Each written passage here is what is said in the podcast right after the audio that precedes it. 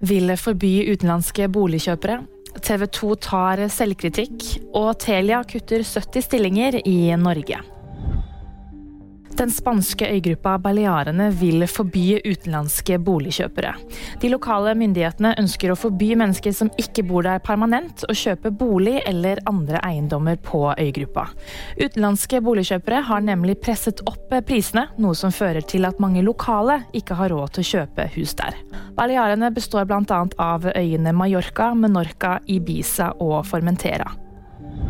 TV 2 er en av eierne av strømmetjenesten MyGame, som skulle vise bredde- og ungdomsidrett av utøvere helt ned i 13-årsalderen.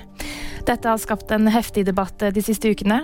Nå tar TV 2-sjef Olav T. Sandnes selvkritikk for prosessen rundt innføringen av strømmetjenesten.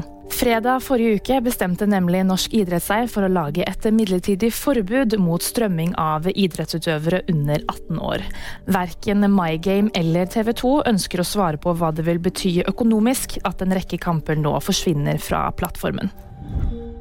Telia kutter 70 stillinger i Norge. Bakgrunnen for nedbemanningen er bl.a. usikre økonomiske tider og høyere kostnader. De ansatte i Telia ble informert om at selskapet må redusere antall ansatte mandag formiddag. Det skriver Fri fagbevegelse. VG-nyhetene fikk du av meg, Anna Julie Bergesen.